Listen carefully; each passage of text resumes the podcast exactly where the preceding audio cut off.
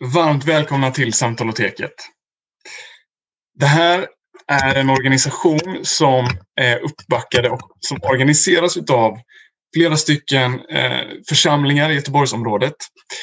Eh, vi organiseras av Göteborgs räddningsmission, studieförbundet Bilda och Navigatörerna också. Den här terminen så kommer vi att utforska den oorganiserade andligheten kan man säga. Och det här, den här kvällen kommer att handla om esoterism. Ett ämne som förhoppningsvis kommer att bli lite tydligare efter att vi har fått lyssna på, på vår föreläsare Henrik Boddan. Som är forskare på om västerländsk esoterism på Göteborgs universitet. Och det ska bli väldigt, väldigt spännande och intressant att höra vad han och vi alla andra också har att säga om om ämnet. Men eh, du kan helt enkelt eh, ta det härifrån, Henrik. Alright, tack så mycket. Och eh, tack Melker för inbjudan att få komma hit. Även om jag sitter i mitt eget vardagsrum just nu. Eh, och prata om eh, det jag forskar om. Jag heter Henrik Bogdan och jag är professor i religionsvetenskap vid Göteborgs universitet och jag sysslar med alternativa religiösa traditioner kan man säga. Allt från nya religiösa rörelser, new age, till slutna sällskap, eh, hemliga ordnar och eh, det som vi ska prata om idag, västerländsk esoterism. Och upplägget är ju som Melker sa att jag kommer att prata i ungefär 15 minuter. Sen tar vi gruppdiskussion eller i, i smågrupper. Och sen fortsätter jag igen då och det har jag gjort tre gånger. Och första eh, passet, då tänkte jag kort eh, introducera det här forskningsfältet västerländsk esoterism. Vad, det, vad detta handlar om, hur vi forskare ser på detta eh, och olika sätt att närma sig det här enorma fältet som det faktiskt är. Då. Och sen eh, det andra passet, då tänkte jag eh, gå in och titta på lite mer konkret, vad gör en esoteriker? Eh, och ta ett exempel på, på esoterisk praktik. Och då tänkte jag prata om magi. Jag tänkte prata om eh, renässansmagi. Eh, någonting som fortfarande praktiseras än idag. Eh, men framförallt tänkte jag prata om polemiska diskurser kring magi. Alltså att magi är ett väldigt problematiskt begrepp. Eh, och det finns en rad olika säga, djupt förankrade, förankrade fördomar kring praktiserandet av magi. Jag tänker titta lite på vilka är de här fördomarna och var kommer de ifrån? Eh, och hur kommer det sig att vi har gjort en åtskillnad mellan religion och magi som vi gjort i vår västerländska kultur. Och sen sista passet, då tänkte jag prata om eh, lite om varför man ska studera västerländsk esoterism. Vad kan vi få ut av detta? Eh, man kan studera hinduism, man kan studera buddhism, eh, man kan studera eh, olika varianter på kristendomen och det finns jättemycket man kan studera. Men varför ska man då studera eh, något så obskyrt som västerländsk esoterism? Och det ska jag försöka ge några svar på i alla fall tänkte jag. Så så ser upplägget ut, tänkte jag. Eh, och jag tänkte helt enkelt göra så att jag delar en, eh, en powerpoint med er. Jag hoppas att det kommer funka bra här. Eh, ja, just det. Och om ni har frågor eh, så kan ni skriva frågorna i chatten om jag minns Melker rätt här. Eh, och så kan eh, vi ta eh, helt enkelt, jag vet inte hur många ni är just nu så att eh, kanske bäst vi tar dem på slutet helt enkelt. Precis, det, det har jag inte sagt än. Jag kommer att skriva ut en Menti-länk där ni kan skicka in frågorna till mig som jag ställer till Henrik efter, alla, efter sista föredraget. Ehm, så det kan ni titta efter i chatten. Ehm, och sen så kan jag också dra, bara innan så att vi alla minns det, att på Samtaloteket när vi pratar sen så är det väldigt låga trösklar och väldigt högt i tak. Och vi älskar att provtänka, så våga utforska med varandra sånt som ni inte har tänkt på innan. Och ta an ämnet så, så modigt ni bara kan. Eh, och ha överseende med, med varandra, så kommer det gå bra. Ehm, bara det jag ville flika in. Alright, jättebra. Men då kör vi då. Och jag har ju en tendens att prata ganska mycket så jag ska verkligen anstränga mig nu att inte överskrida 15 minuter på det första eh, lilla passet här. Nu ska vi se om jag kan dela min lilla powerpoint här. Nu hoppas jag att det ses ordentligt, att man ser min powerpoint. Bra! Tack Melke för den tummen upp där. Eh, nu ska vi se om jag kan bara få bort allihopa mer eller mindre. Alright, då är klockan 10 över 6. Så nu har jag 15 minuter på mig att köra igång här. Och eh, jag tänkte då introducera ett nytt forskningsfält. Västerländsk esoterism. Det här är någonting som vi inom ramarna för universitetet har studerat systematiskt kan man säga de senaste 20-25 åren kan vi säga. Ehm, där det blivit en del av framförallt av religionsvetenskapen. Vi kan se att eh, Eh, det finns kurser om västerländsk esoterism på de flesta universitet idag eh, här i Sverige. Vi har det på Göteborgs universitet, vi har det på Stockholm, vi har det i Lund, i Uppsala, Mittuniversitetet och så vidare. Ehm, och eh, så var det ju inte när jag började plugga på 90-talet. Då fanns det egentligen inget ämne egentligen som man kunde studera här i Sverige. Utan det var bara i Paris, vid Sorbonne och eh, senare i Amsterdam och i Exeter i England. Där det fanns en professur helt enkelt i västerländsk esoterism. Och det här då, nya fältet, det här nya forskningsfältet, det täcker en mängd olika strömningar. Det är ett stort fält, eh, vilket kan göra det att man ibland känner sig lite frågande inför det här stora fältet. Vad är det egentligen man studerar? Vad handlar detta om då? Och jag tycker att ett bra sätt när man närmar sig ett nytt forskningsfält eller ett nytt ämne, vilket nu kan vara, det är att titta lite på begreppen som man använder sig av.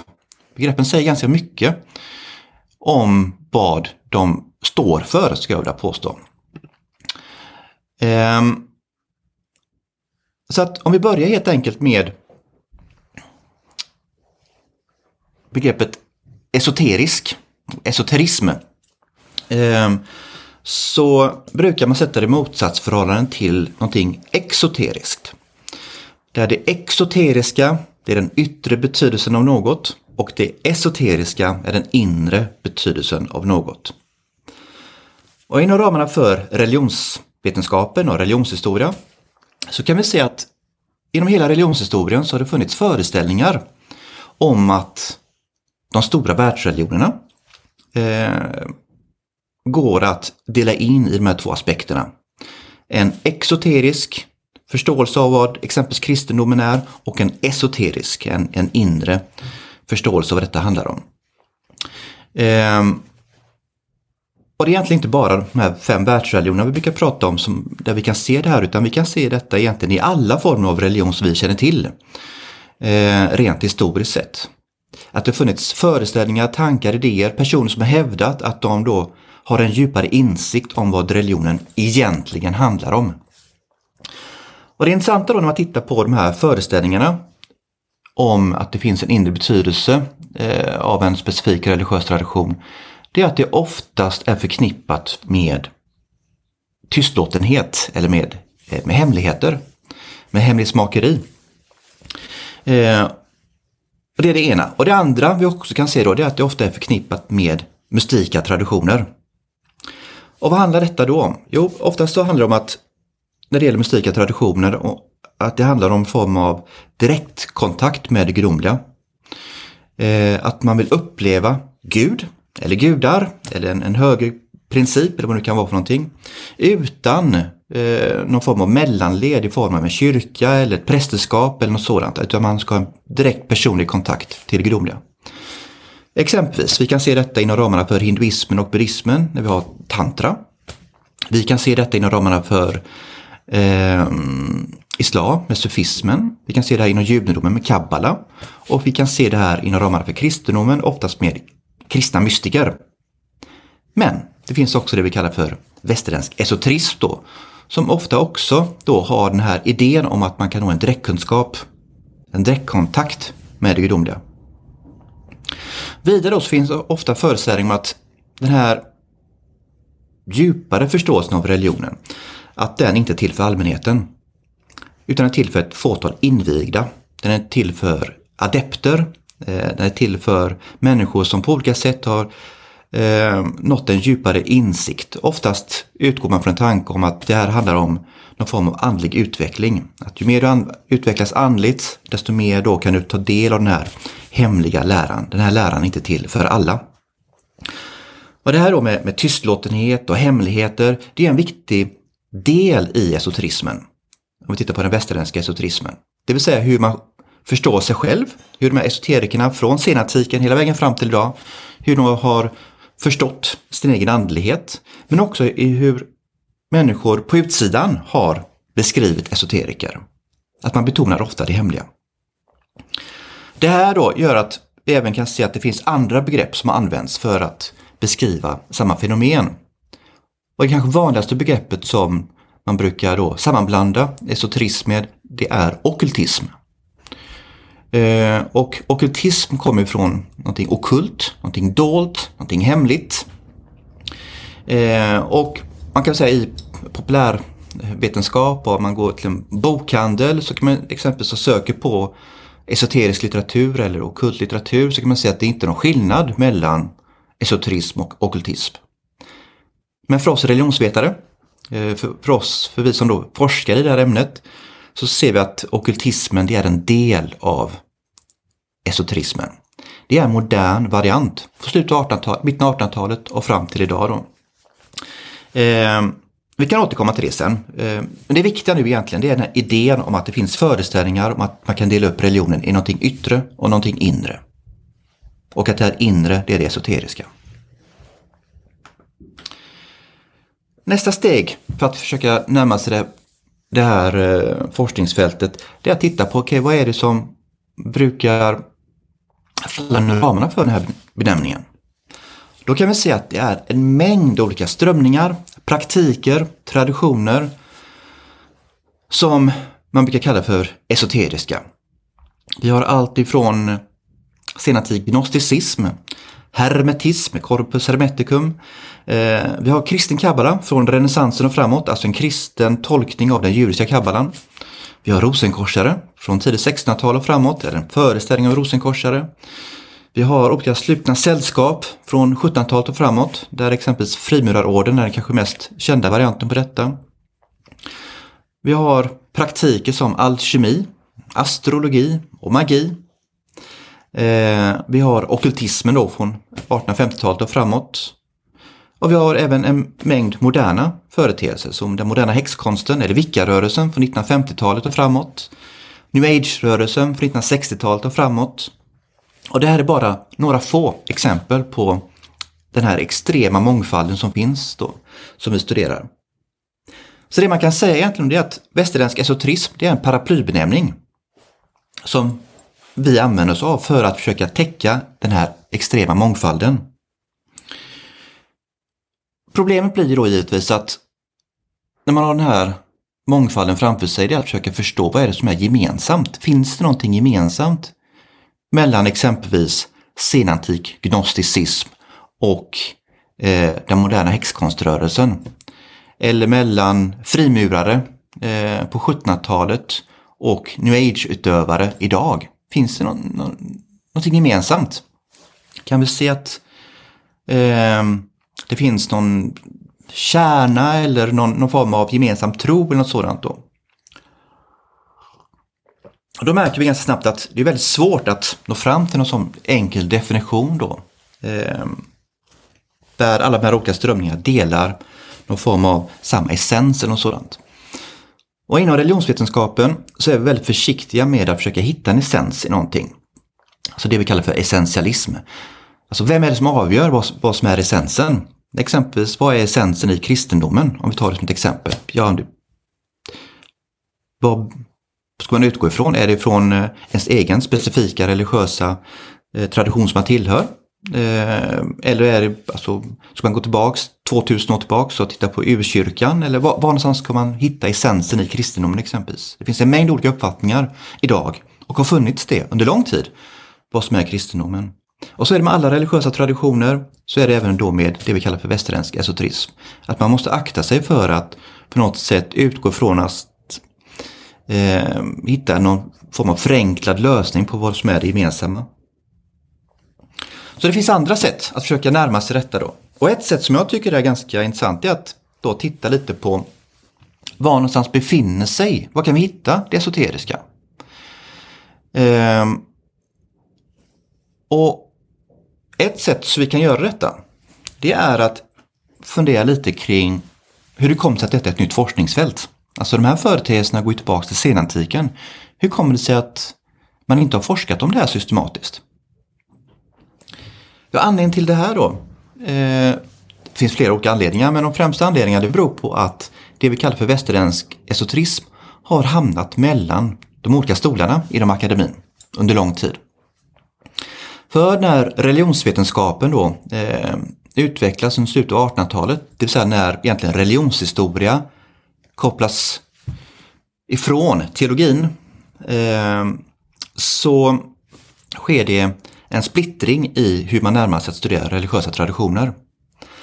Där teologerna framförallt ägnar sig åt den kristna traditionen eh, och kyrkohistoria i stor utsträckning. Medan religionshistoriker eh, under slutet av 1800-talet och framåt ägnade sig åt främmande religioner. Främmande inom citationstecken.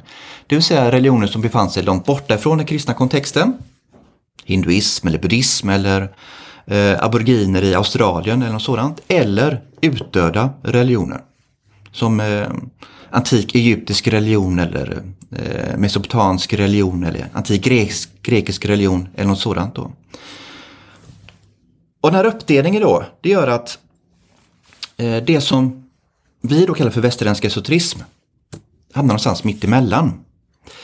Där religionshistoriker drog sig för att studera de här esoteriska traditionerna för att det var någonting västerländskt. Det faller inom ramarna för teologi ansåg man. Vi studerar inte den västerländska religiösa traditionen.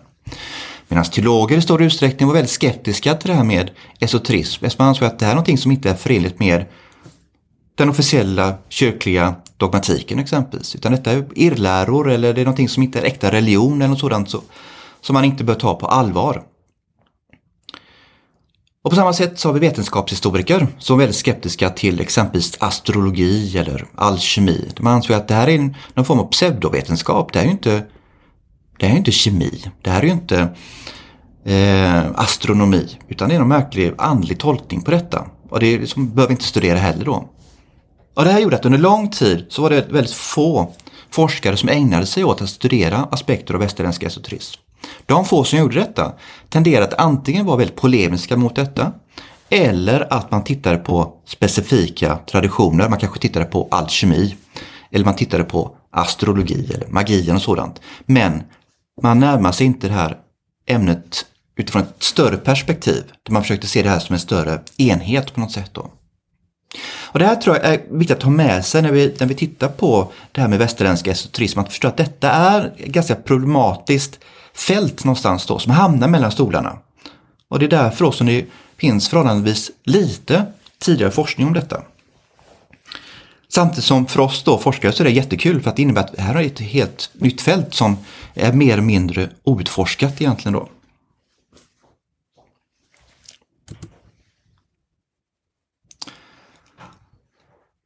Ett annat sätt att närma sig att förstå vad det här då handlar om, som jag tycker kanske är lite mer spännande också, det är att titta på var någonstans i vår västerländska kultur kan vi hitta esoterism?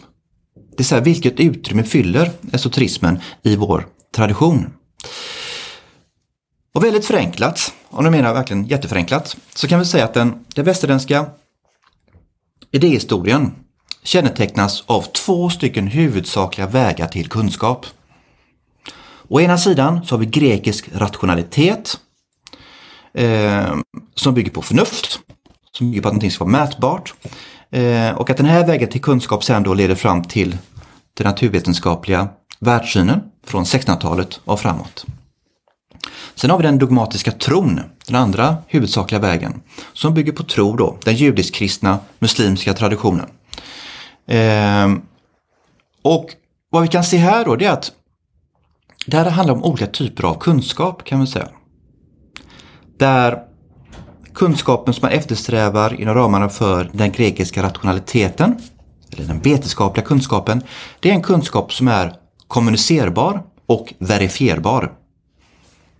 Jag kan kommunicera att jag dricker kaffe och om ni hade varit här hade ni kunnat verifiera om det här verkligen är kaffe eller inte.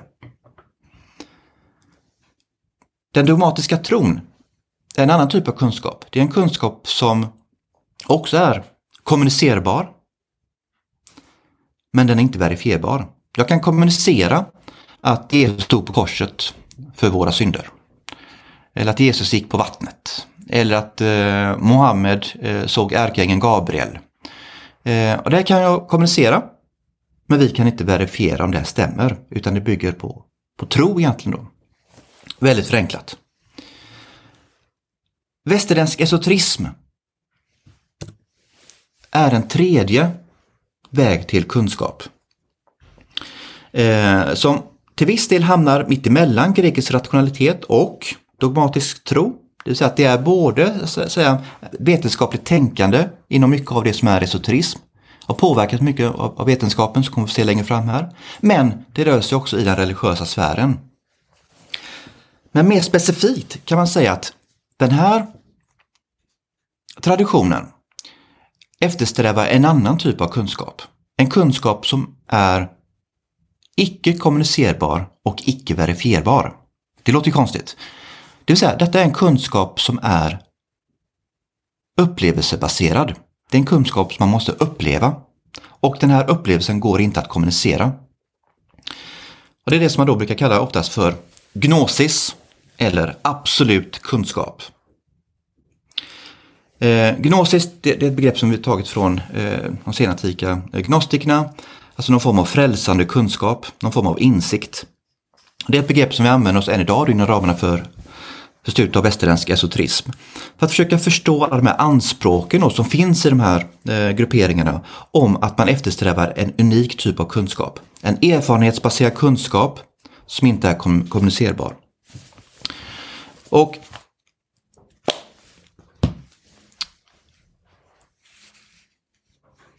jag tror att för att, försöka för, för att kunna förstå vad den här kunskapen då handlar om, då kan man titta på mystika erfarenheter. Alltså, det finns mycket religionspsykologisk forskning eh, om just mystika erfarenheter. Och mystika erfarenheter är någonting som människor fått i alla tider, i alla religiösa sammanhang och även i icke-religiösa sammanhang. Än idag så får människor mystika erfarenheter.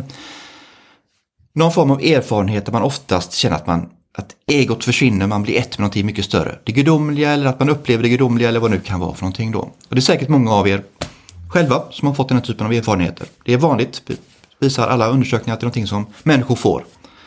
Man kan få det i kris, man kan få det i, eh, eh i form av ett trauma och sådant. Men det kan också vara någonting som uppkommer i samband med att man kanske är ute och promenerar i naturen eller att man går på en konsert eller att man eh, eh, ja, en naturupplevelse eller någonting då. Och det intressanta då med den här typen av erfarenheter det är att de ofta inte går att uttrycka i ord. När man försöker beskriva de här erfarenheterna så begränsas erfarenheten. Den binds på något sätt då.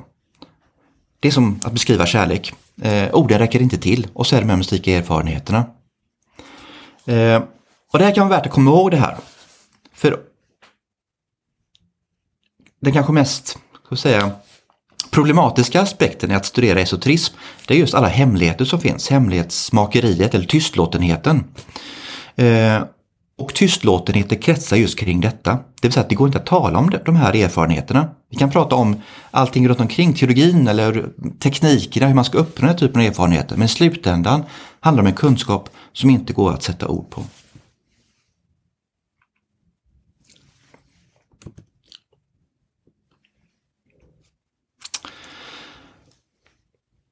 Men det här är ju väldigt, alltså, alltså en väldigt vid förståelse av gnosis. Eh, kan säga att det är en del forskare som Wouter Hanegraaff vid Amsterdams universitet menar på att detta är centralt då för de här traditionerna. Andra forskare har försökt att gå lite djupare på detta och försökt att se, men kan vi inte ändå tala om att det finns något mer än bara den här stora, kanske gnosistanken? Eh, och en av de mest inflytelserika eh, definitionerna som har presenterats eh, är Antoine Fevres definition som kom tidigt 1990-tal. Eh, Fävre, professor vid Sorbonne, han menar då på att det som är gemensamt för allt det här som vi kallar för västerländsk esoterism, det är ett sätt att tänka. Ett sätt att se eh, hur individen är kopplad till, till tillvaron runt omkring oss, till det gudomliga, till naturen. Ett tankesätt helt enkelt. Eh, jag hinner inte gå in på alla, alla punkter då, men väldigt, väldigt kort då. Vad han då menar på är det här tankesättet, det är att esoteriken ser hela världen som sammanlänkad av korrespondenser. Eh, det vill säga exempelvis eh, att eh, exempelvis om man läser Bibeln eh, så får man djupare kunskap om naturen. Eh, och därigenom får man djupare kunskap om det gudomliga. Allting är sammanlänkat. Genom att studera eh, naturen får vi en djupare kunskap om det gudomliga, exempelvis eftersom allting bygger på korrespondenser. Ett annat sätt som det här funkar det är genom att man tänker sig att planeterna eh, runt omkring oss eh, har vissa egenskaper kopplade till sig. Och som vi kommer att se längre fram här när vi pratar om magi sen, eh, så har vissa föremål runt omkring oss är mer kopplad till de här planeterna än andra föremål. Eh, och det kan man förstå då genom att se hur de, här, hur de korresponderar till de omgivande planeterna. Och har du den här kunskapen kan du sen också börja manipulera de här korrespondenserna. Det här i sin tur är kopplat till idén om att vi befinner oss i en levande natur. Så för esoterikerna så är inte materien död. Naturen är inte en, en, så att säga, någon, någonting livslöst eller själalöst. Utan tvärtom. Naturen kännetecknas av att det finns en världssjäl, anima mundi. Och den här världssjälen är kopplad till människans själ genom de här korrespondenserna som i sin tur är kopplat till det gudomliga. Allting är sammankopplat. Eh, allting utvecklas, allting växer. Eh, så att exempelvis metaller mognar långt in i, i, eh, i jorden och ska, de strävar efter att bli till guld. För att guld är den perfekta metallen. Och det är det som korresponderar med Gud exempelvis. Så allting eh, sammanlänkat, allting lever. Eh, esoteriken lägger väldigt stor vikt vid, eh, vid föreställningar, alltså det han kallar för fantasin. Alltså det vi kan se är att det har funnits en, en, en tydlig tendens att eh, se det inre seendet i form av drömmar, i form av visioner, i form av eh, olika meditationstekniker som ett sätt att nå fram till gnosis, den här, eh, den här eh, frälsande kunskapen. Eh, det vill säga att esoteriker då som från senantiken och framåt har försökt kommunicera med högre makter, änglar och vad det kan vara för någonting. Tänker sig att detta är, någonting som, det är en inre process som sker. Det är med hjälp av våran fantasi. Och eh, Fäver betonar ju då när han diskuterar det här att fantasia är etymologiskt kopplat till magia. Att det finns en magi och fantasi är sammankopplat eh, i hur man då försöker eh, förstå och förändra omgivningen runt omkring sig. Eh, han betonar också vikten av förmedlande länkar. Förmedlande länkar i form av en rad olika entiteter. Eh, ett bra exempel som man använder sig av som jag tycker säger ganska mycket om vad, vad esoterism handlar om och, och som också skiljer esoterismen från mystika traditioner. Det är att han använder sig av Jakob Stege som ett exempel. Alla ni är väl bekanta med Jakob Stege misstänker jag. Eh, och hur änglar som flyger upp och ner längs den här eh, stegen. Och det här är en, en vanlig symbol då inom eh, kristen eh, mystiktradition. Att man tänker sig att när man klättrar upp på den här stegen så kan man förenas med det gudomliga. Man kan nå en uno mystica. En, en förening med det gudomliga. Eh, men esoteriken, han vill också klättra upp för den här stegen, men inte hela vägen upp. Han vill inte förenas med det gudomliga, utan han vill stanna på stegen och kommunicera med änglarna, enligt Fävre. Och detta då för att vad han är ute efter, det är den här kunskapen. Han vill få en djupare kunskap om hur saker och ting är beskaffade. Så mycket av esoterismen handlar just om ett kunskapssökande, kan man säga. Han nämnde transmutationsupplevelsen och transmutation det är då eh, ett begrepp som kommer från alkemin. Idén om att saker och ting går att förädla. Så precis som man, man kan förädla en oädel metall till att bli guld inom ramarna för alkemin tänker man sig att människan går att förädla. Att vi går från andligt oupplyst till upplyst. Det sista då han nämner, den här sättet att tänka, det är överensstämmelser. Det vill säga att, att för esoteriken så är inte vägen, den andliga vägen exklusiv. Det vill säga att det bara finns en väg som man kan gå. Utan man kan gå flera vägar samtidigt.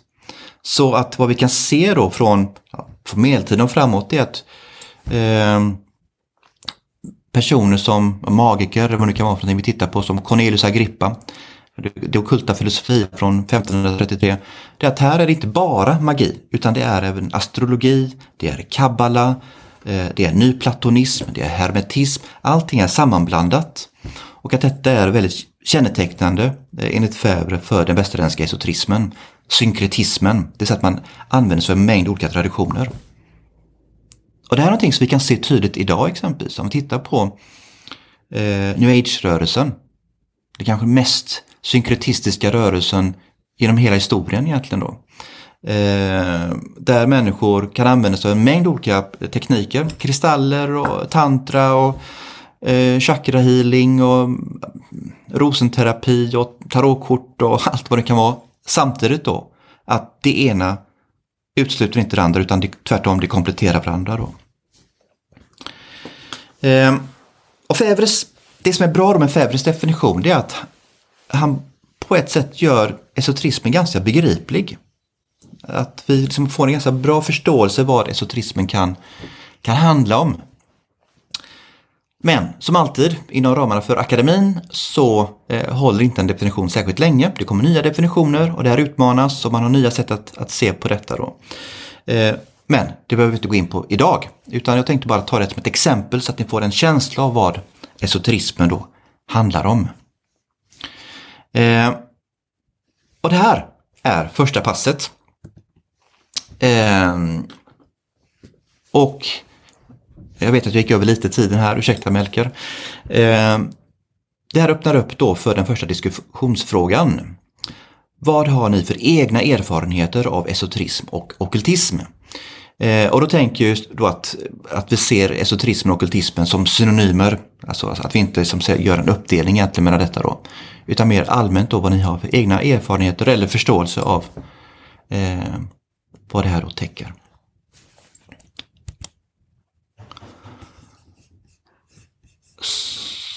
Så. Eh, då ska jag stoppa min share för tillfället. Så, då skriver jag ut frågan i chatten och så kommer ni att delas in i eh, breakout rooms där vi kommer få diskutera. Men jag skriver här.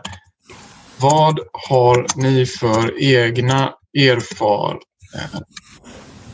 eh, av esoterism slash ockultism? Så new age och, och, och, allt det här som, som eh, magi, all, allt som kan blandas ihop med det här begreppet. Eh, så, nu är den frågan där ute och så ska vi se om, om vi blir indelade i breakout rooms allihopa. Så, nu hoppas jag att jag hörs. Perfekt. Alright då. Eh, första passet var lite långt där. Eh, jag pratade lite om eh, hur vi kan eh, närma oss och förstå det här forskningsfältet. Lite om begreppet esoterism, eh, skillnaden mellan esoterisk och exoterisk och så vidare. Eh, nu tänkte jag att vi går vidare och tittar på praktiken. Det är en sak att titta på vad folk tänker och vad de funderar över och hur vi ska försöka förstå Ehm, och definiera eh, esoterism. Och en annan sak är att titta på eh, vad gör man rent konkret då? Och det finns en mängd olika praktiker inom ramarna för västerländsk esoterism.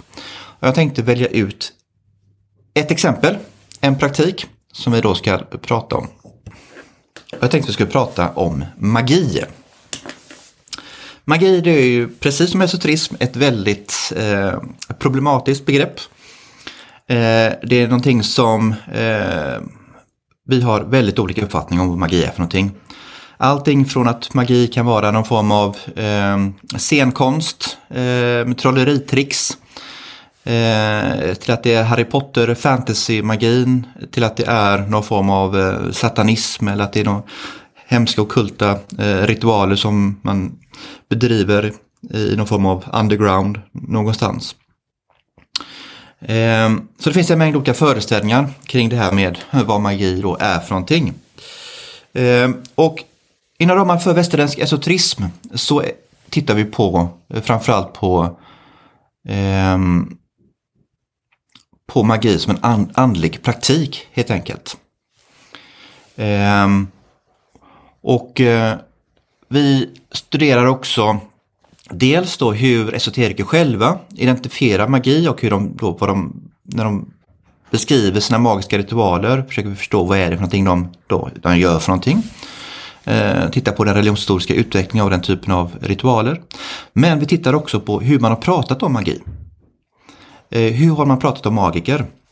Det som man ibland kallar för meno-history, det vill säga hur vi kommer ihåg historien. Och det man kan säga är att minnet av historien skiljer sig oftast väldigt mycket från hur historien faktiskt ser ut. Och ett bra exempel på detta utifrån studiet av västerländsk esoterism är en av de kanske mest kända renässansmagikerna, Cornelius Agrippa, eh, som då skrev den här kända De ockulta filosofia, den ockulta filosofin. Och Cornelius Agrippa var en djupt troende, religiös eh, person eh, som levde ett väldigt fromt liv, vet vi från eh, alla skildringar av honom och om honom eh, från hans levnad. Men Agrippa kom efter hans död att bli mer och mer förknippad med Faust-gestalten. Eh, så att till slut så var det en, en bild av Agrippa som en person som hade sålt sin själ till, till Satan. Eh, som utför, utför olika typer av svart magi och så vidare. Eh, och den här bilden då stämmer väldigt lite överens med, med verkligheten. Så att båda två är viktiga. Alltså både dels den historiska Agrippa är värd att studera, men också bilden av Agrippa. Och på samma sätt är det magi då. Eh, och magi, det finns en mängd olika varianter av magi. Jag tänkte ta en, en form av magi som man brukar kalla för magia naturalis eller lärd magi. Och anledningen till detta det är att detta är en, en form av magi som fick väldigt stort inflytande från renässansen och framåt runt om i Europa. Eh, bland olika typer av eh, intellektuella miljöer. Eh, men det är också en typ av magi som har levt vidare fram till, till idag, som fortfarande praktiseras i, i nya, i ny, så säga, ny form. Ehm, och det är magi som eh, kan vi säga eh, som kallas för eh, naturlig magi för att den använder sig inte av övernaturliga krafter. Eh, Magia Naturalis använder sig av de naturliga krafterna som finns i den sublunara världen. Det vill säga i den världen som vi befinner oss i här och nu. Den använder sig inte av änglar eller demoner eller något sådant. Då, för det var förbjudet av kyrkan. Och det exemplet som jag då tänkte prata om det är eh, Massimo Ficino, hans beskrivning av Magia Naturalis. Massiv Ficino är ju en av den västerländska kulturens stora giganter eh, när det gäller filosofi. Eh, och han var ett, ett, ett, ett riktigt renässansgeni i den bemärkelsen att han översatte en mängd olika eh, antika texter som eh, Platon, han översatte till latin han, och han översatte Corpus Hermeticum också bland annat då, så att han var ju en, ett geni på många eh, sätt och vis då. Ehm, och tillhör den här nya platonska akademin i Florens som Cosimo de Medici ehm, ansvarar för. Det intressanta då med Massimo Ficino är att en av de här giganterna då i, den västerländska idéhistorien, att han beskriver bruket av magi som han själv praktiserade. Ehm, och det han gör då det är att han beskriver ett problem. Vi har en person som lider av melankoli. Eh, och melankoli under renässansen, det var någonting som man såg som ganska positivt för att melankoli är någonting som kan leda till religiös ska säga, ett religiöst sökande. Men det finns också en destruktiv form av melankoli som gör att man blir handlingsförlamad. Eller som vi ska kalla det idag, att man blir deprimerad helt enkelt. Då. Eh, och han beskriver då den här destruktiva formen av melankoli. Han beskriver en person som lider av ett problem. Och då måste man ställa då en diagnos. Varför är han eh, melankolisk? Jo, anledningen enligt Ficino det är att den här personen är alldeles för påverkad av planeten Saturnus. Och det här kan låta väldigt märkligt för oss då idag. Vadå? Påverkad på planeten Saturnus? Det finns väl ingen logik i detta. Men under medeltiden och renässansen så fanns det en tanke då om att eh, planeterna runt omkring oss, de sju planeterna, klassisk eh, astronomi och astrologi. Eh, man tänker sig att de här planeterna hade specifika egenskaper och de här egenskaperna strålade ner till jorden. Eh, och allting här i naturliga världen är påverkat av de här planeterna. Eh, och en del föremål är mer kopplat till eh, specifika planeter, precis som en del människor är mer kopplade till specifika planeter än andra. Eh, och det här då det som hela astrologin bygger på också då. Det vill säga i vårt födelseögonblick så har planeternas ställning på, på himlen eh, påverkan på vår eh, eh personlighet. Det blir som ett tumavtryck. Vilka vi är helt enkelt beroende på de här planeterna. Hur mycket influenser som kommer från planeterna. Så han ställer då diagnosen att den här människan är djupt eh, melankolisk på grund av planeten Saturnus. Och anledningen till detta är att Saturnus då anses vara en planet som förkroppsligar melankoli. Hur ska man lösa detta då? Jo, det gör man genom att man drar till sig influenser från planeten Venus istället enligt Ficino. Och då beskriver han vad detta är för eh, föremål om hur man ska göra. Jo, man ska äta vitt kött som kyckling och fisk. Man ska klä sig i vita sidentyger, man ska ha eh, silver eh, smycken, eh, ljusa ädelstenar, eh, tända rökelser, en specifik typ av rökelse som är kopplad till planeten Venus. Man ska sjunga hymner till gudinnan Venus, gärna ha en staty eh, på gudinnan Venus. Man ska ha dricka vitt vin exempelvis då. Och alla de här föremålen anses då vara länkade till, i de här korrespondenserna som Fevre talar om, till planeten Venus. Och vad du då gör, det är att du drar till dig de här eh, egenskaperna, de glada positiva egenskaperna från planeten Venus. Alltså, hur ska man då veta eh, vilka, eh, vilka färger och vilka tyger och vilka växter som är kopplade till planeterna? Eh, Jo, under medeltiden och renässansen så utvecklades det en e- egen form av så att säga, logik kring detta. Där man hade handböcker helt enkelt med långa listor. Som exempelvis det okulta Filosofia och eh, Cornelis Agrippa som jag nämnde. Där man kan titta då på planeten Saturnus. Då kan man se vilka färg, vilken färg, vilka metaller, vilka växter, vilka djur och så vidare och så vidare och så vidare eh, som är kopplat till den här planeten. Och sen följer du helt enkelt planeten Venus och det är samma sak där. Eh,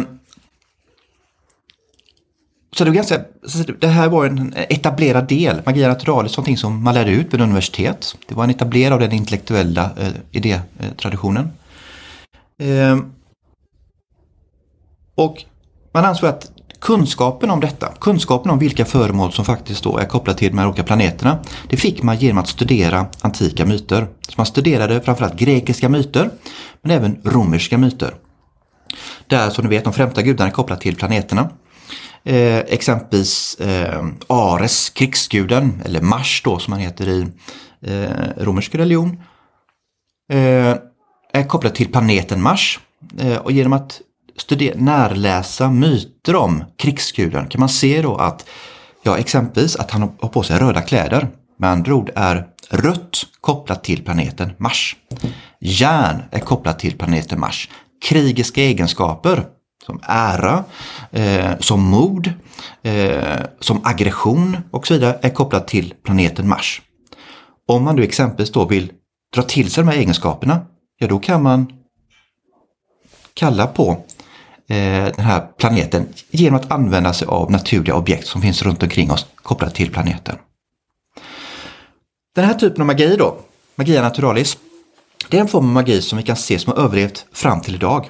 Vi kan se det exempelvis bland eh, ett spår i detta kan vi se om man går in i en kristallbutik och tittar på alla de här kristallerna. Jag har en, en, en dotter som är 14 år som älskar kristaller som hon köper.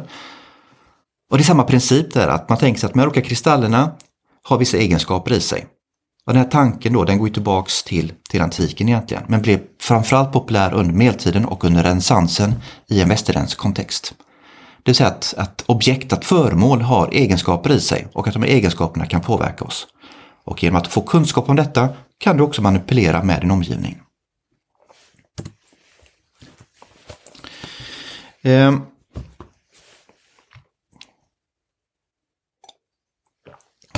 Om vi då vänder blicken och tittar på magi utifrån så kan vi se att magi har alltid varit ett djupt problematiskt begrepp i den västerländska kulturen. Eh, som ofta bygger på en polemisk förståelse av vad det är och handlar om. Det vill säga en negativ bild som man skapar av någonting som den andra gör. Det vill säga att vi kan se att man har skilt på religion kontra magi. Jag tar det här eh, lite snabbt här. Eh, och det är framförallt fyra stycken återkommande polemiska diskurser som vi ser som genomsyrar bilden av vad magi handlar om. Det första är att magi är något primitivt, icke-rationellt sätt att tänka på. Eh, som har en egen form av, av logik. Exempelvis det klassiska med, med voodoo-dockan, att man kör en nål i en docka som man vill skada. Att det försöker efterlikna någonting som man vill uppnå. Det finns en logik i detta, men det är en primitiv form av logik då som inte är förenlig med ett vetenskapligt tänkande. Det andra då är att vi kan se att, att man oftast framställer magi som ett främmande element i den västerländska kulturen. Det kan se redan i antik grekisk eh, kultur hur man då beskriver magi, magia, som att detta är någonting som magoi kommer med. Magerna kommer detta från Persien. Långt bortifrån kommer de med magi till, till Grekland. Och grekerna är då ambivalenta eh, gentemot magia. Eh, man ser det som att det är ett främmande element som egentligen inte hör hemma. Eh, framförallt den lägre formen av magi, taumaturgi, som handlar om ja, exempelvis att, eh, att någon ska bli kär i en eller att man ska vinna eh, materiella fördelar gentemot någon annan eller att grannens kossa inte ska ge mjölk eller något sådant. Då. Det är en lägre form av magi och det passar inte den grekiska filosofin, hävdar man. Däremot teurgi, den högre formen av magi, där man kommunicerar med högre makter, det kunde man se som förenligt med platonism. Alltså det fanns någonting positivt med detta. Men trots det här att man så finns det en, en tanke om att magi är inte någonting som kommer från Grekland. Det är någonting främmande. Och det kan vi också se sen genom hela historien hur man beskriver främmande religioner som magiska.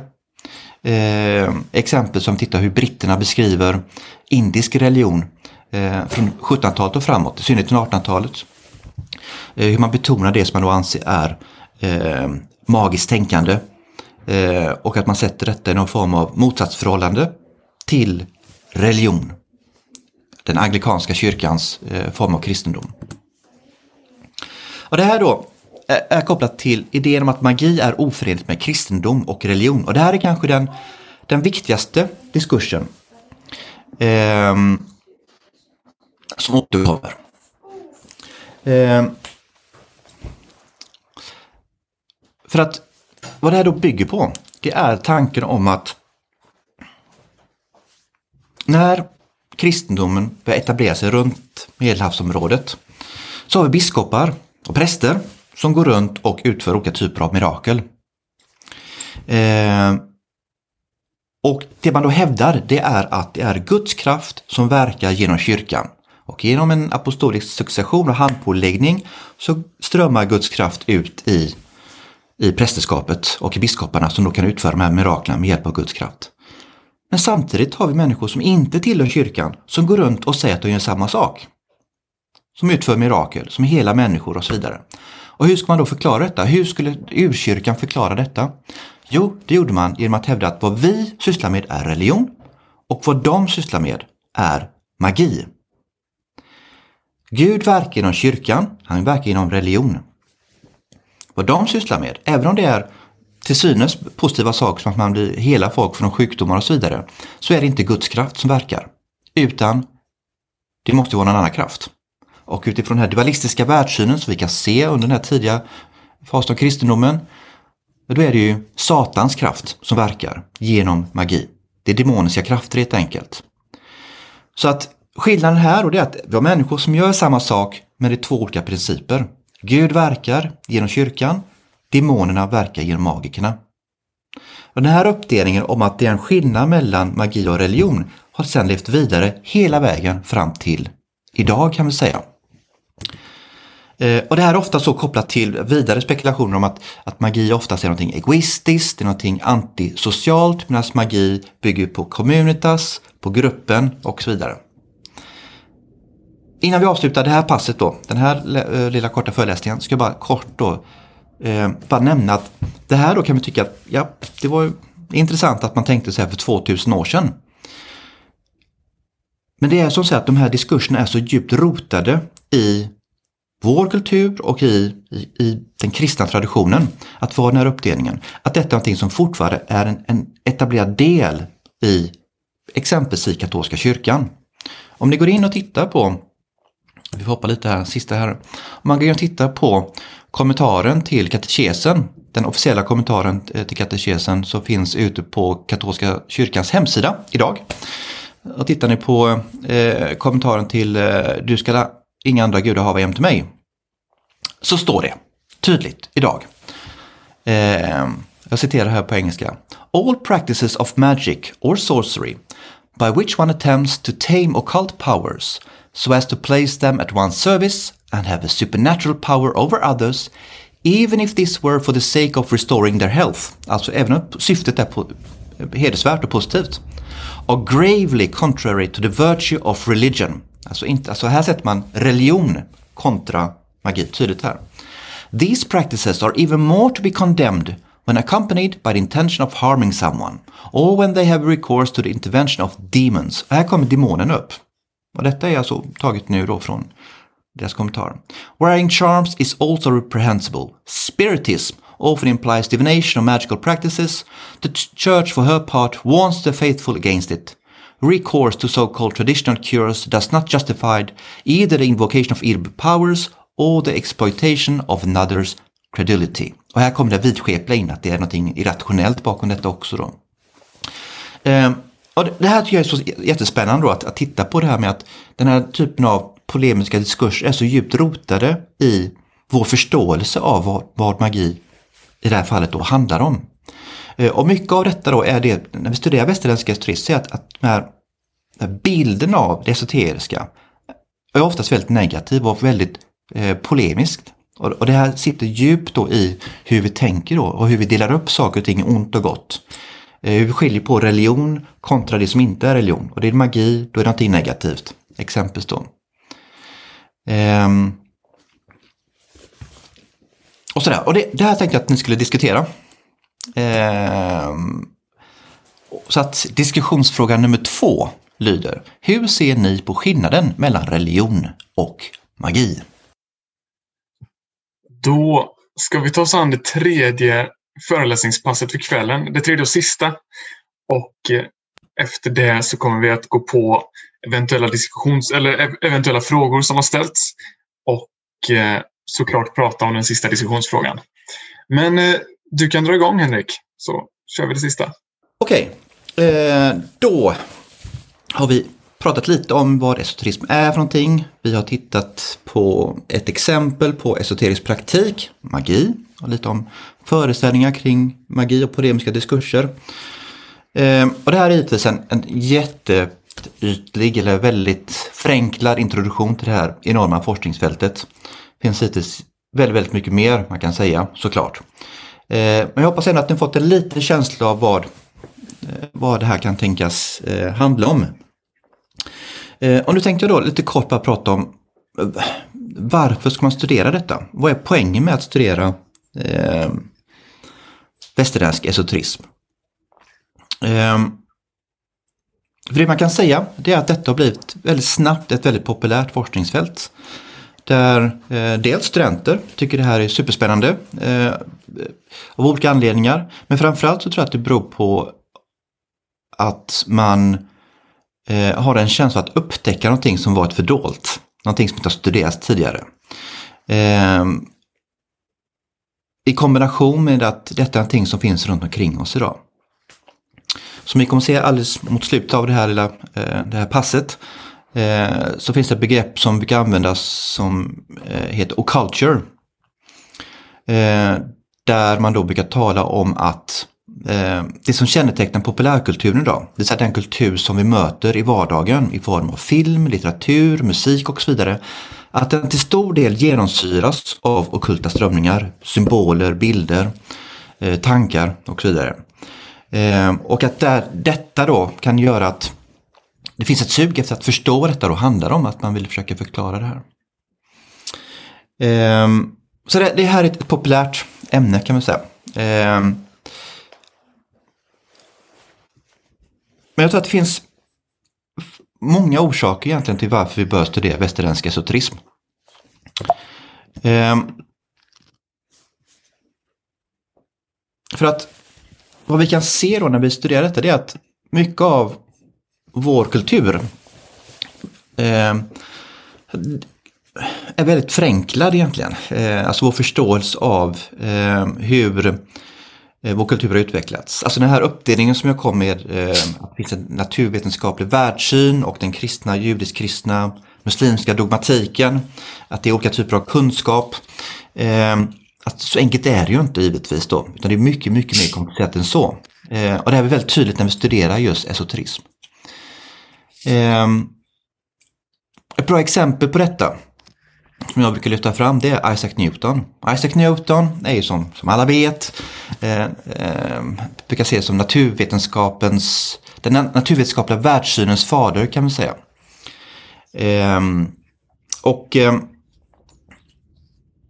ett problem med Isaac Newton för vetenskapshistoriker har sedan egentligen 1700-talet och framåt varit då att stor del av hans bevarade skrifter, icke-publicerade skrifter, är religiösa och esoteriska. Den största samlingen av hans eh, eh, bevarade eh, manuskript handlar om alkemi och hermetism. Och det här var ett stort problem för vetenskapshistoriker. Har varit en lång tid. Alltså hur ska man förhålla sig till detta? Att, att naturvetenskapens fader i stor utsträckning, att han då själv sysslade med så här oförnuftiga saker som alkemi och hermetism. Eh, och det man gjorde helt enkelt var att man valde att bortse från de här esoteriska dimensionerna i hans arbete. Eh, och menar på att detta är hans privata spekulationer medan de naturvetenskapliga arbetena är fristående från detta.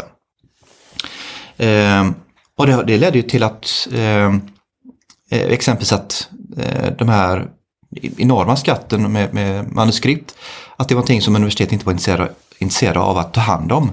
Eh, så det var fram, nu på 1900-talet som eh, man systematiskt började titta på det här. Tidigare försökte man ignorera helt enkelt detta. Då. Eh, och idag då så vet vi att det här är mycket mer, kom, mer komplext än vad man då hävdade. Det vill säga att hans naturvetenskapliga arbeten är tätt sammankopplade med hans esoteriska intressen och vice versa. Att det här går hand i hand. Då. Och han var inte unik i detta.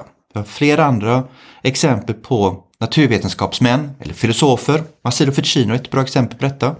Eh, där den esoteriska eh, dimensionen är en integrerad del i deras vetenskapliga eller filosofiska eh, arbeten helt enkelt. Då. Eh, så att vad studiet av västerländsk esoterism kan bidra med det är att ge oss en mycket djupare förståelse av vår västerländska kultur. Därför att detta är aspekter som av olika anledningar har avfärdats. Exempelvis traditioner som en gång i tiden har varit ansetts vara eh, en del av den etablerade kunskapen, det vill säga kunskap som lärdes ut på universitet, eh, men som av olika anledningar har kommit att eh, avfärdas, som alkemi eller astrologi eller något sådant. Då. Eh, så att, och, poängen för oss då, religions, eller vi, vi som forskar om detta, det är ju inte att, att hävda att, eh, att alkemi funkar eller att eh, magi, att det är rätt eller något sådant. Det är inte det som är poängen, utan poängen är att titta på att människor faktiskt har haft de här föreställningarna. Eh, och, och, att människor fortfarande har den här typen av, av, föreställningar. Vad betyder detta? Vad, är det, vad handlar detta om egentligen då? Hur ska vi förstå Isaac Newton? Hur ska vi förstå hans vetenskapliga arbete? Vi måste ta hans esoteriska eh, arbeten i beaktande för att förstå hela hans vetenskapliga eh, arbete egentligen då. Men det handlar inte bara om naturvetenskap, utan det här kanske blir ännu mer tydligt när vi tittar på Eh, på kultur, när vi tittar på konst och litteratur. Eh, Strindberg är ju ett bra exempel på detta. Strindberg, de flesta är, ju, kanske medvetna om att Strindberg hade stort intresse för eh, det okulta. Eh, att han var i kontakt med den franske eh, esoterikern eh, Papus. Eh, och att han skrev i Papus tidskrifter, han skrev om alkemi exempelvis. Någon kanske läser hans okulta dagbok. Och mycket av det här blir ju helt, alltså hans okulta dagbok som han oftast tolkar som ett uttryck för en kris. Vilket det till viss del säkert också var då. Ehm, men att om man då inte sätter in det här i det man kallar för fin de siècle ockultismen eh, så blir mycket av det det symbolspråket använder sig av blir obegripligt. Ett annat exempel är William Butler Yeats, Nobelpristagare i litteratur eh, 1923. Ehm, ni som har läst William Butler Yeats, ni vet ju att han, han är ju dels då en, en, en eh, eh, en brukar anses vara en av den moderna poesins eh, förgrundsgestalter. Eh, men han hade ett väldigt speciellt symbolspråk i sin lyrik. Eh, ett symbolspråk som blir återigen eh, obegripligt eller blir väldigt eh, platt om man inte då sätter in det här i, i, i den kontext man verkar i.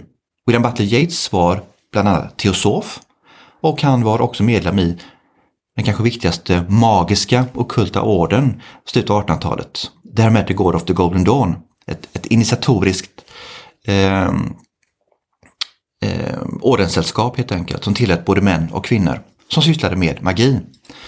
Och många av de här symbolerna som man använder sig i, i sina dikter är hämtade rakt från de här initiationsritualerna exempelvis. Då. Eh, och återigen då, om vi inte har kunskap om 1800-talets okultism så blir det mycket av William Butler Yeats arbeten eh, väldigt märkliga egentligen då. Eh, så att det här handlar om återigen att få en djupare förståelse av vår västerländska kultur. För att de här personerna är inte bara intressanta utifrån ett okult perspektiv utan de här har ju format vår kultur. Det finns ju exempel på exempel på exempel. Mozart, om man tar musikens värld eller, eller inom konstens värld, kanske ett exempel som de allra flesta idag eh, känner till. Hilma och Klint. Ni vet ju att hon idag ses som en, en, eh, en banbrytare när det gäller eh, den abstrakta konsten. Och om vi tittar på hennes enorma fantastiska målningar om vi tittar på de här.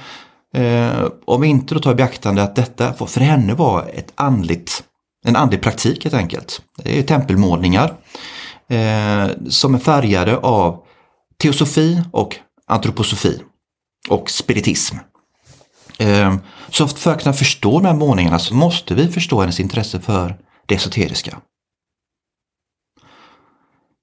Och så är det då, exempel på exempel på exempel. Alltså det handlar om en radikal omskrivning av eh, den västerländska kulturen och visar på den extrema mångfald som har funnits och som fortfarande finns då, som av olika anledningar inte har studerats tidigare.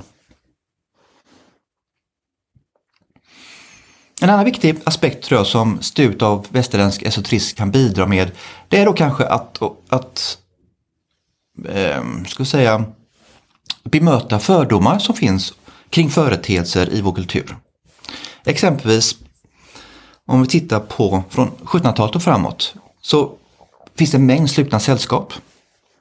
Eh, exempelvis frimurarorden då. Eh, och de här slutna sällskapen, och tar frimureriet som ett exempel på detta, eh, har genom historien eh, bemötts med skepsis och med misstro. Vi kan se att den första påvliga bannbullan, alltså fördömandet av frimurorden, kommer redan på 1730-talet. Officiellt sett så grundas frimuraren 1717, så det är väldigt snabbt som frimureriet då blir fördömt av påven. Och det intressanta är att titta då på, eh, på den här bullan, alltså den här skriften som fördömer frimureriet. För att det som påven fördömer, det är bruket av tystlåtenhet, att de är hemliga.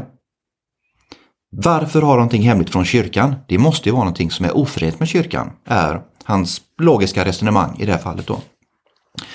Eh, och den här misstron återkommer under hela 1700-talet.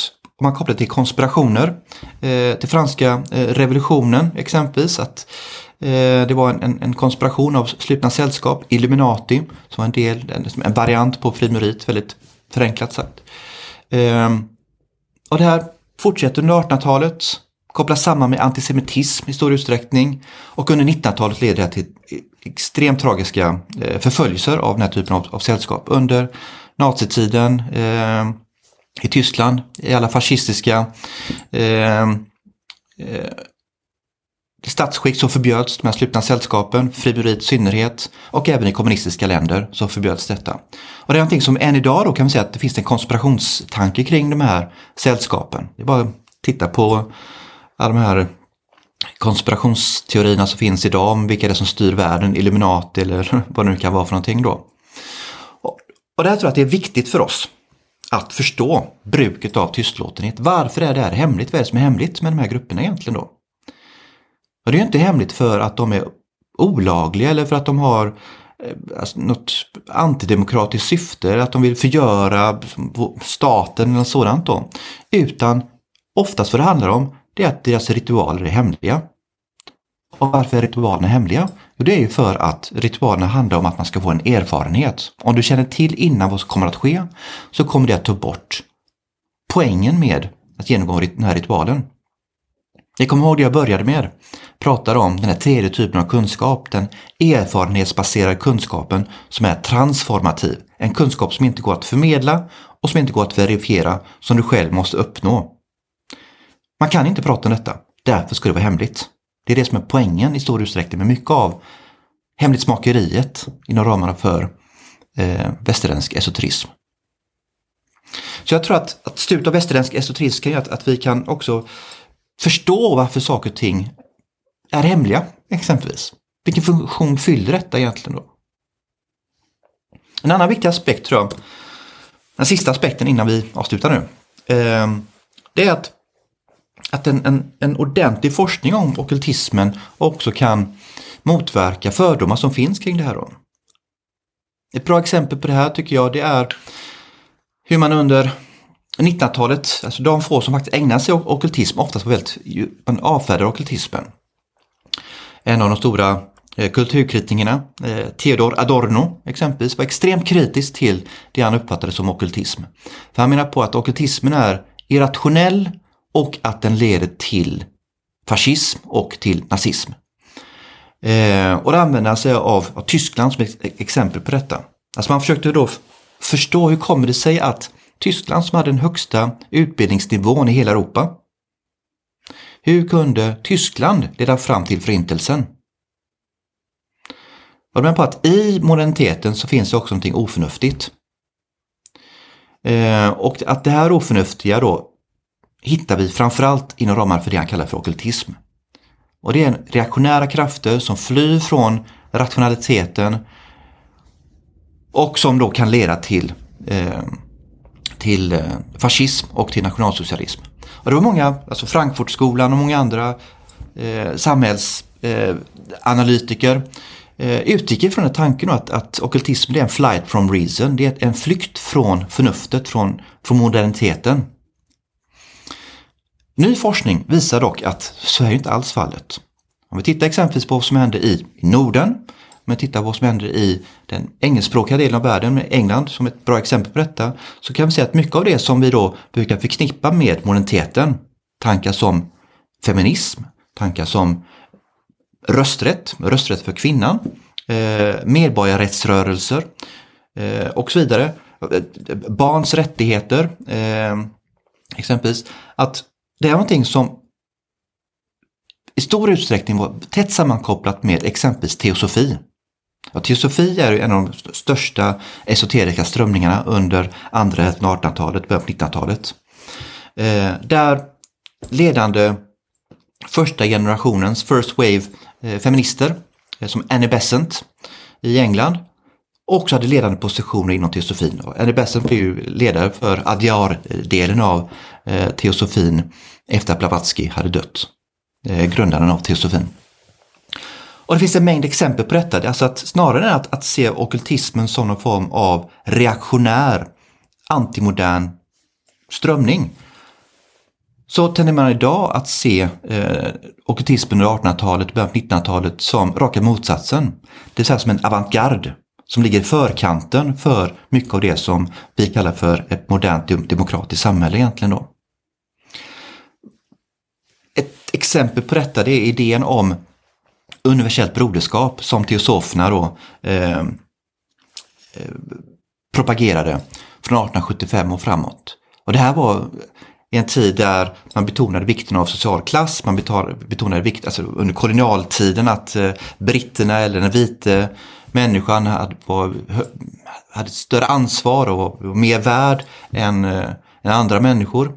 Medan teosoferna då istället gick emot detta och menar på att det här är någonting som man ska bryta sig fri ifrån istället då. Att, att universellt broderskap går bortanför ras som man då kallar det under den här tiden.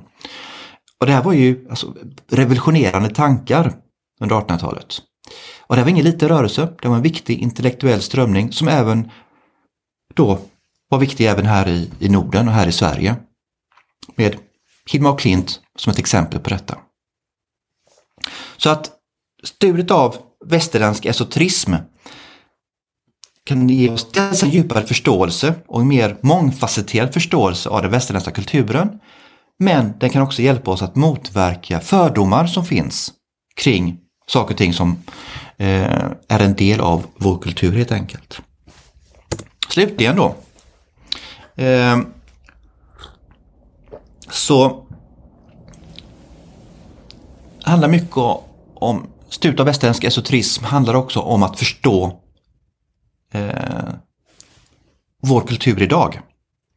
Alltså, som jag nämnde då så eh, har vi det begreppet occulture eh, som myntades eh, alltså, som en akademisk term av Christopher Partridge, en brittisk eh, eh, ja, egentligen eh, musikhistoriker egentligen. Eh, men som ägnar sig åt all form av populärkultur idag. Eh, och han menar då på att vad, vad, vad culture då kännetecknas av det är att eh, det okulta är inte någonting som är fördolt eller som finns i någon slutna sällskap idag. Utan detta är någonting som genomsyrar populärkulturen i form av serietidningar, rollspel, dataspel, filmer, serier, Harry Potter-böcker, eh, vampyrserier, Eh, och att det är någonting som alltså, finns runt omkring oss överallt idag. Eh, och att vikten då för oss som studerar västerländsk historism är att visa på att detta är inte någonting som kommer upp tomma intet. Utan tvärtom har en lång tradition tillbaks, eh, lång historik som går tillbaks till senantiken. Eh, där många av de här tankarna, idéerna som kanske ter sig så märkliga idag då, att de tvärtom har en lång historik då kan, vi måste förstå den historiska kontexten för att förstå vår samtid idag. Och där tänkte jag att vi skulle eh, sluta. Och den sista frågan att diskutera det är då varför tror ni att människor söker sig till det okulta? Eh, det är ju en väldigt vid fråga såklart och det är någonting som vi då försöker förstå när vi, när vi forskar om det här och vad är det som lockar egentligen då? Ehm, jag tänkte att det kunde vara en, en intressant fråga att diskutera. Tack så mycket Henrik.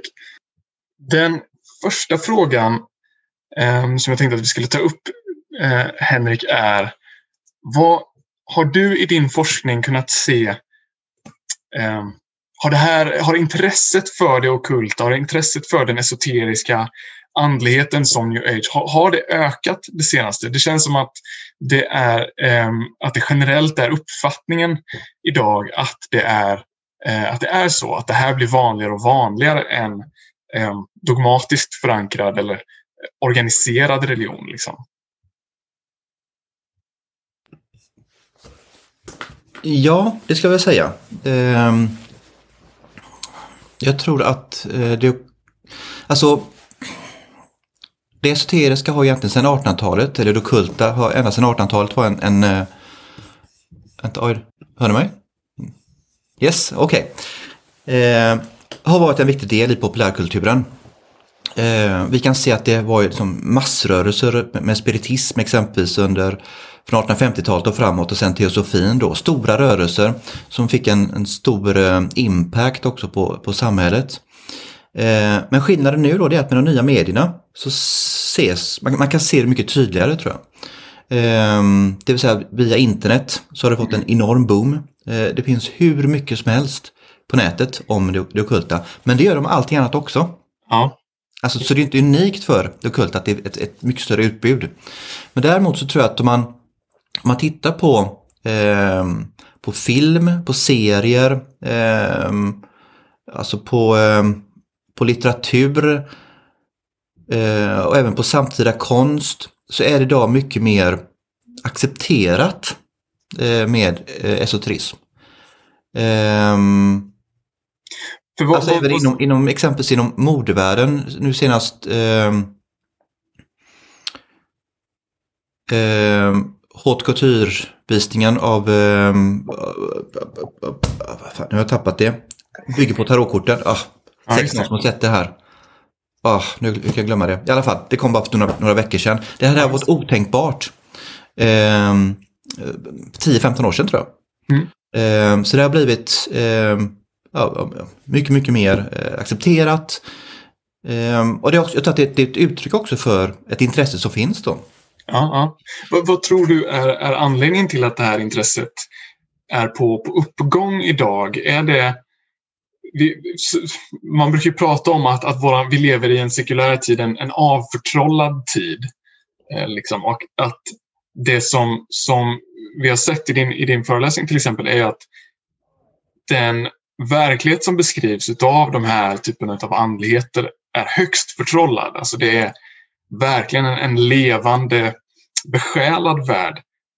Är det någon form av motreaktion eller har det mer med vårt samhälles individualism att göra? Eller vad, vad tror du är anledningen till att det, det ökar? Alltså, det här är ett, ett svar som, som, som, man kan som diskutera länge som helst. Men för att göra det väldigt ja. kort då ska jag säga att för det första då så får man tänka på att att precis som hela den västerländska kulturen eh, avförtrollades eh, och sekulariserades eh, under en lång tid. På samma sätt händer det med esoterismen också. Så att esoterismen förändras också. Så att det vi kan se under 1800-talet egentligen det är att även att esoterismen blir avförtrollad. Det vill säga att även om folk praktiserar magi fortfarande under 1800-talet så börjar man tolka om detta ett, exempelvis ett magiskt sigill, om vi tar det under medeltiden, då tänker man sig att i det här sigillet så finns det faktiskt en ängel eller en demon i det här sigillet.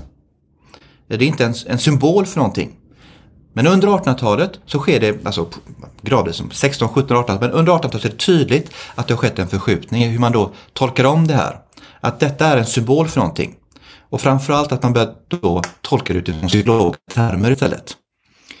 Eh, där att änglar eller demoner och sådant då, att vad detta egentligen handlar om, det är aspekter i vårt inre. Eh, så att demoner, exempelvis onda gudar och sådant, det är destruktiva aspekter som finns i vårt inre. Som man då kan eh, försöka eh, bli fri ifrån eller övervinna på olika sätt. Då.